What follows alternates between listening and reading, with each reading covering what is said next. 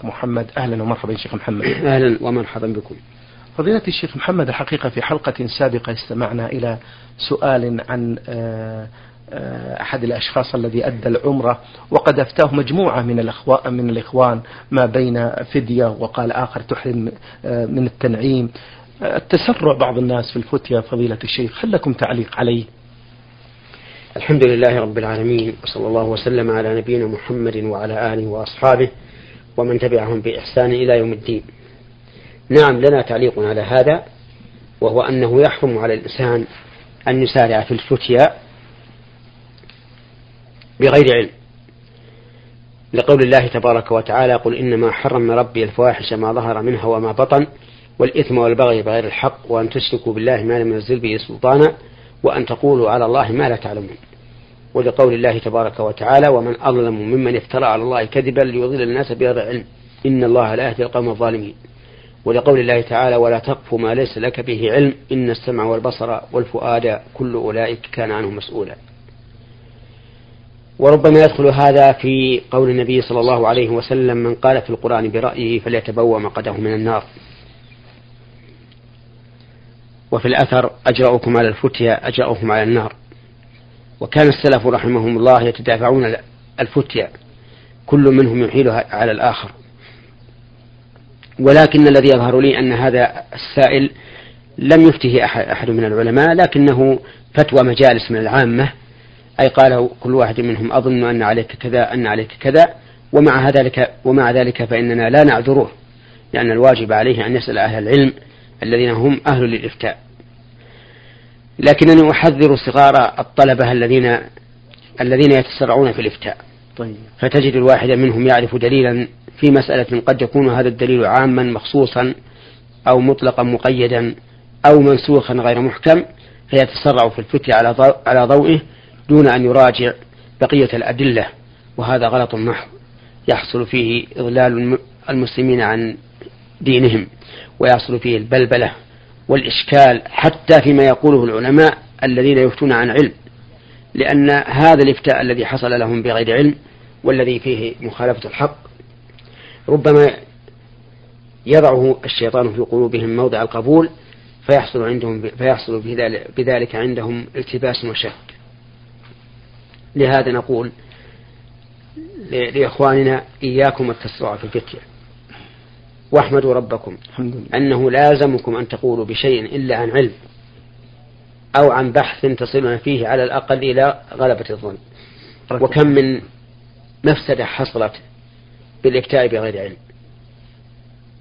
ربما يحصل بذلك إفطار في صوم أو قضاء صوم غير واجب. أو ربما يصل إلى حد أبلغ آه، حد أكبر. كما يرد علينا أمور كثيرة في هذا الباب. والله المستعان. الله المستعان. بارك الله فيكم فضيلة الشيخ.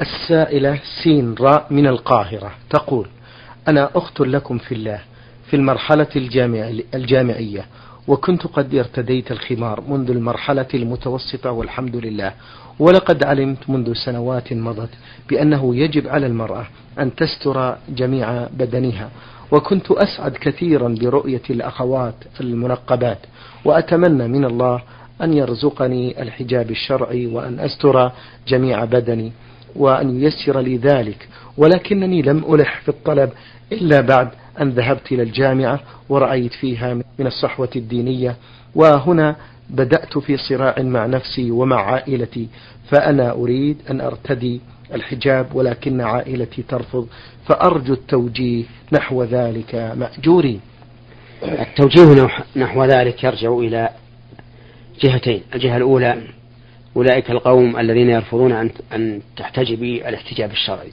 فأقول لهؤلاء اتقوا الله تعالى في أنفسكم واتقوا الله تعالى في من جعلكم الله أولياء عليه. والواجب على أولياء الأمور إذا رأوا من بناتهم الاتجاه الصحيح إلى هدي النبي صلى الله عليه وسلم وأصحابه الواجب عليهم أن يحمدوا الله تعالى على هذا وأن يشجعوا بناتهم على على ذلك وأن يروا أن هذا من أكبر النعم عليهم. أما أن يقوموا ضد ذلك فإنهم والله آثمون خائنون للأمانة سوف يسألون عما صنعوا. فإن الله تعالى يقول يا أيها الذين آمنوا قوا أنفسكم وأهليكم نارا وقودها الناس والحجارة. فجعل الله وقاية أهلينا علينا كما أن وقاية أنفسنا علينا. وقال النبي صلى الله عليه وعلى آله وسلم الرجل راع في أهله ومسؤول عن رعيته. فأقول لهؤلاء الأولياء إنكم آثمون على ما تفعلون بالنسبة لبناتكم اللاتي يريدن الالتزام. أما التوجيه الثاني فأقول لهذه المرأة وأشباهها من الملتزمات عليكن بالصبر. اصبرن على شرع الله عز وجل واصبرن على الأذى في ذلك. فإن الله تعالى قد يمتحن العبد بإيذائه في, في, في ذات الله عز وجل. كما قال الله تعالى ومن الناس من يقول آمنا بالله فإذا أوذي في الله جعل فتنة الناس كعذاب الله.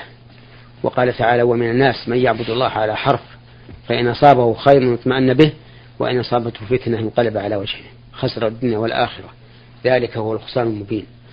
فأقول لهن اصبرن وارتدين الحجاب وانتقبن لأن النقاب خير من كشف الوجه كله لا شك. وعلى كل حال أقول لهن اصبرن اصبرن اصبر والعاقبة للمتقين. وقد وقع منا جواب عن سؤال حول النقاب والسؤال ورد علينا من نساء وقلنا إننا لا نفتي بجوازه وذلك لأن رأينا أن بعض النساء هداهن الله لما استعملنا النقاب توسعنا فيه فنقبت العين المرأة لعينها وجفنها وحاجبها ووجنتها واتسع الخرق على الراقع. فقلنا إننا لا نفتي بجوازه ولم نقل إننا نفتي بعدم جوازه لأنه ليس من حقنا أن نفتي بعدم جوازه مع أن مع أن ذلك كان من عادات نساء الصحابة. ولكننا لا نفتي بالجواز أي أننا نمتنع في الفتوى خوفا من التوسع. ولا حرج على الإنسان أن يمتنع من شيء خوفا من التوسع في أمر محرم كما منع عمر بن الخطاب رضي الله عنه الرجوع إلى المرأة المطلقة ثلاثا لما رأى الناس قد تتايعوا في ذلك وكثر منهم الطلاق الثلاث. فمنع من من رجوعهن إلى فمنع من إرجاعهن. كما في حديث ابن عباس رضي الله عنهما كان الطلاق الثلاث في عهد النبي صلى الله عليه وسلم وعهد أبي بكر وسنتين من خلافة عمر كان الطلاق الثلاث واحدة. فلما رأى الناس فلما رأى عمر الناس قد تتايعوا فيه قال أرى الناس قد تتايعوا في أمر كانت لهم فيه أنات فلو أمضيناه عليهم فأمضاه عليهم. والحاصل أننا نوجه النصيحة إلى أولياء أمورها هؤلاء النساء المتحجبات الطاهرات المؤمنات أن يتقون الله تعالى فيهن. وأقول اتقوا الله تعالى فيهن. لا تحرموهن هذا الخير لا تمنعوهن من الحجاب الشرعي الذي تحتجب به المرأة كلها عن النساء بل عن الرجال الأجانب. وأقول للفتيات الطاهرات المحتجبات اصبرن على الأذى في ذلك والله تعالى يثيبكن ويجعل العاقبة لكن. الله. اصبر إن العاقبة للمتقين. نعم. بارك الله فيكم. فقرة أخيرة تقول آه، شيخ محمد بأنها تحتاج إلى تكوين عقيدة صحيحة تواجه بها العائلة علما بأن الأم تغضب منها بشدة وتناقشها في الموضوع وكذلك الأخت الكبرى التي قالت بأنها ستفارقني. أقول أثبت على العقيدة الصحيحة. السليمة وادع الناس إليها ولا يضرك إذا أحد جادلك في ذلك لأن الحق منصور بلا شك. قال الله تبارك وتعالى بل نقذف بالحق على الباطل فيدمغه فإذا هو زاهق ولكم الويل مما تصفون. فأنت استمري في العقيدة الصحيحة وفي الدعوة إليها وعليك بكتب شيخ الإسلام ابن تيمية وتلميذه ابن القيم وكتب الشيخ محمد بن عبد الوهاب رحمهم, رحمهم الله جميعا. فإنها كتب سلفية أثرية على العقيدة الصالحة. الصحيحة. نعم. بارك الله فيكم. السائلة سعاد من الأردن تقول في هذا السؤال. عند ولادة مولود جديد ما هي سنة الرسول صلى الله عليه وسلم في الدعاء له وعن كيفية التعامل معه؟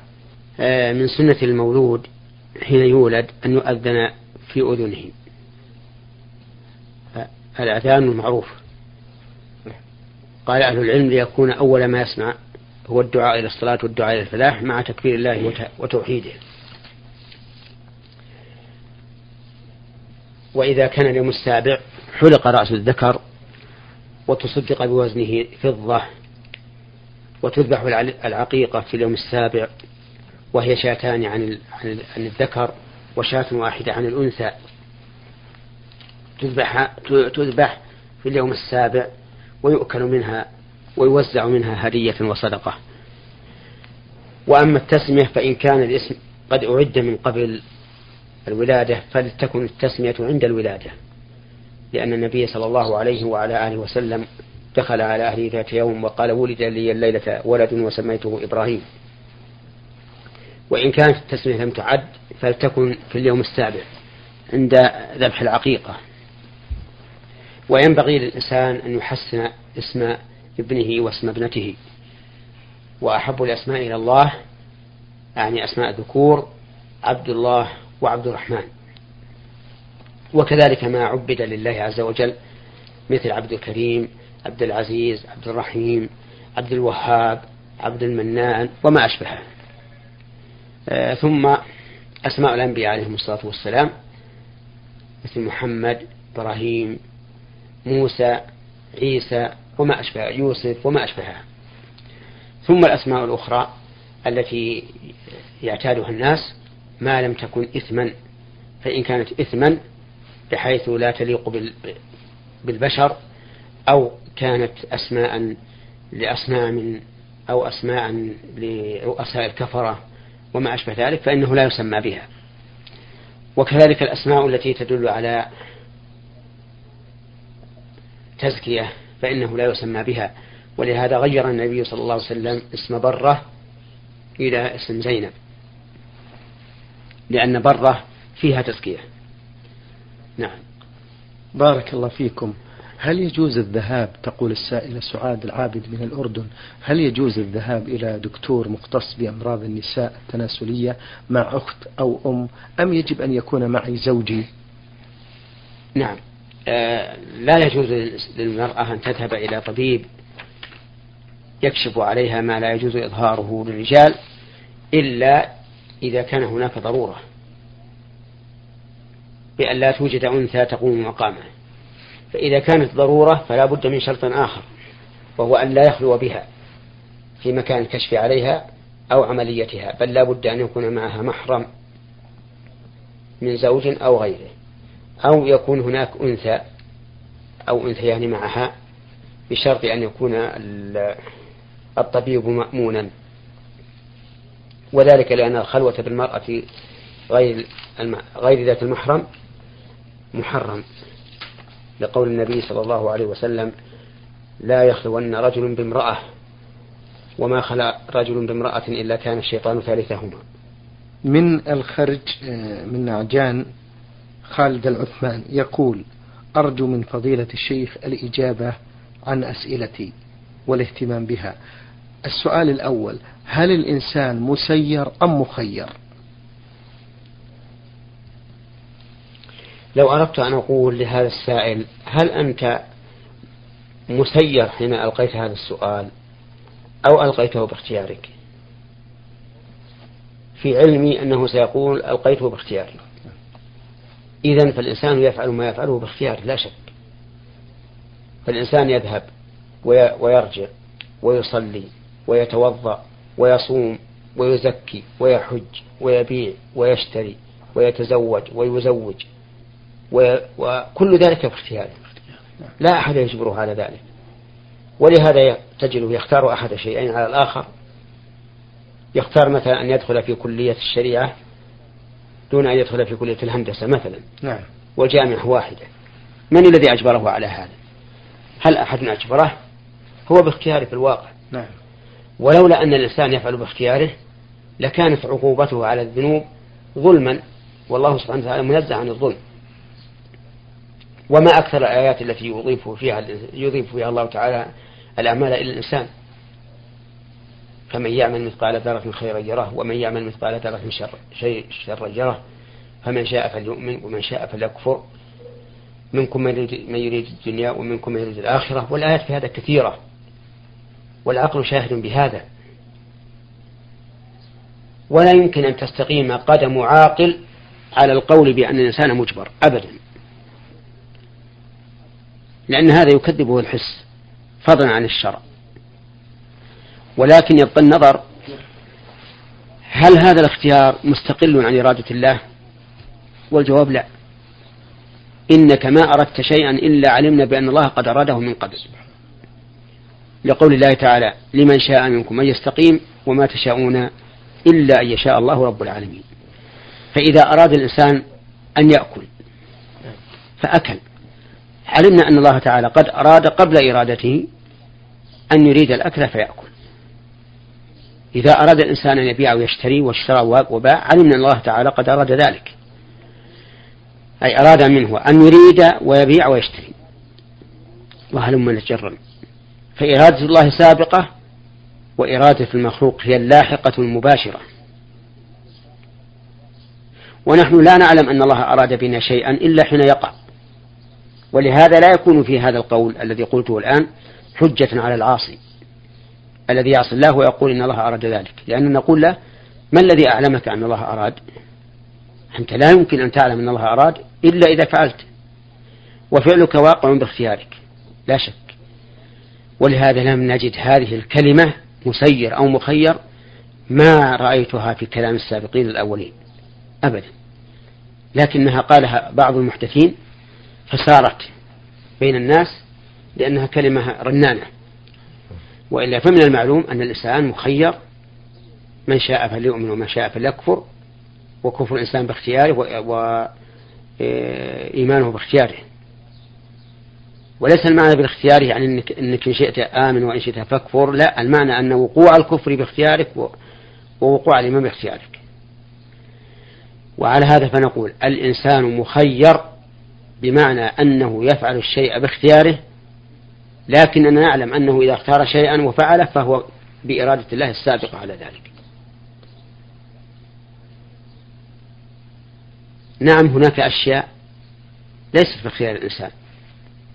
لو سافر الإنسان مثلا وأصابه حادث هذا بغير اختياره. لو لو أن الإنسان عمل عملا ناسيا هذا بغير اختياره. ولهذا لا يؤاخذ الله على النسيان ولا على الخطأ ولا على فعل النائم. لأنه غير مختار. نعم. بارك الله فيكم على هذا التوضيح. يقول في سؤاله الثاني المستمع خالد العثمان هل تجوز الغيبة بدون ذكر الاسم أو التعريف بشخص لم يعرف إلا بذكر صفاته الخلقية؟ الغيبة التي يعبر بها عن شخص مجهول مثل أن يقول من الناس من يقول كذا من الناس من يفعل كذا. لا بأس بها بشرط أن لا يفهم السامع أنه فلان. فإن فهم السامع أنه فلان فلا فائدة من من من الإتيان بصفة عامة. ولهذا كان من هدي الرسول عليه الصلاة والسلام إذا أراد إنكار شيء على قوم قال ما بال أقوام يفعلون كذا وكذا. فإذا قلت بعض الناس يقول كذا أو يفعل كذا أو ما أشبه ذلك فلا بأس. أما إذا قلت قال فلان كذا أو فعل فلان كذا مما يعاب عليه فهذه غيبة. وأما وصف الإنسان بأوصافه الخلقية كالأعور والأعرج والأعمش وما أشبهه فإن كان لا يهتم بذلك ولا يغضب بذلك ولا يكره ذلك فلا بأس. وهذا هو الغالب. في الألقاب التي لا يعرف الإنسان إلا بها. فإنه لا بأس أن يلقب. ولهذا تجد في كلام العلماء الأعمش والأعرج وما أشبهه.